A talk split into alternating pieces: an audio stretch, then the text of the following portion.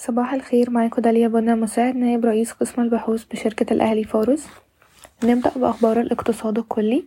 سيراقب صندوق النقد الدولي تحول مصر إلى سعر صرف مرن بعد إلغاء شرط تمويل الواردات من خلال خطابات الاعتماد في نهاية هذا الشهر.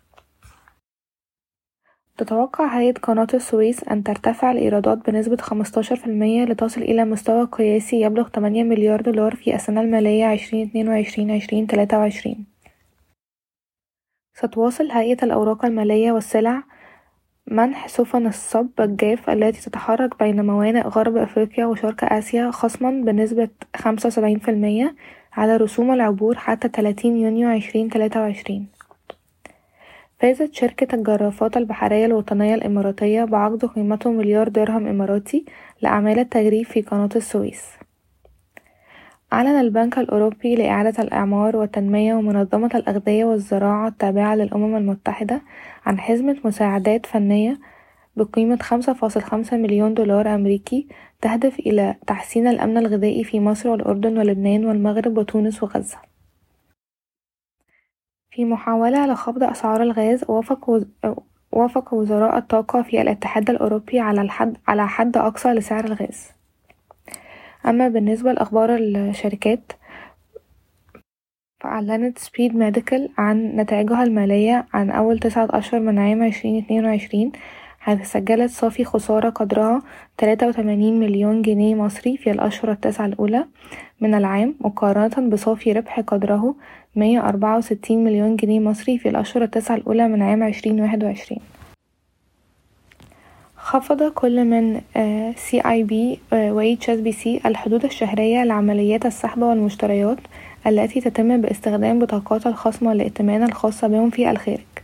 تم إدخال الحدود أولا في أكتوبر في خطوة للحفاظ على أصول العملات الأجنبية للبنوك. أطلق بنك مصر وبنك القاهرة ومصر القابضة للتأمين وأليانز صندوق استثمار عقاري يستثمر في العقارات التجارية يبلغ رأس مال الصندوق خمسمية مليون جنيه مصري.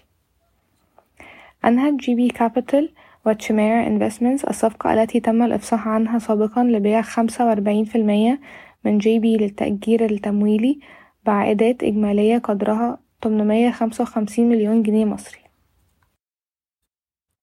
تتوقع منظمة الدول العربية المصدرة للبترول أن تتراوح الصادرات المصرية من الغاز الطبيعي المسال بين سبعة إلى تمانية ملايين طن هذا العام بناء على توقعات بارتفاع الطلب العالمي في الربع الأخير من العام.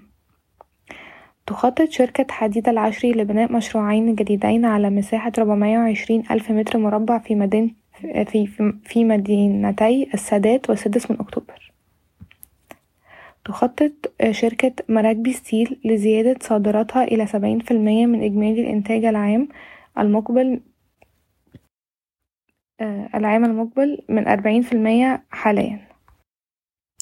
بما إن النهاردة التلات أحب افكركوا سريعا بأسعار السلع العالمية الأسبوع ده مقارنة بالأسبوع اللي فات. البرنت البرميل ارتفع لتسعة وسبعين فاصل ستة دولار.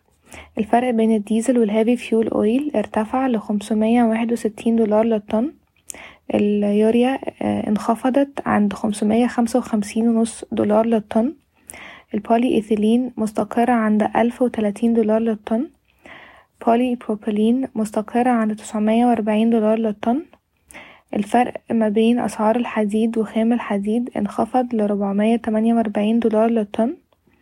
سعر الألمنيوم انخفض لألفين تلتمية سبعة وتلاتين دولار للطن.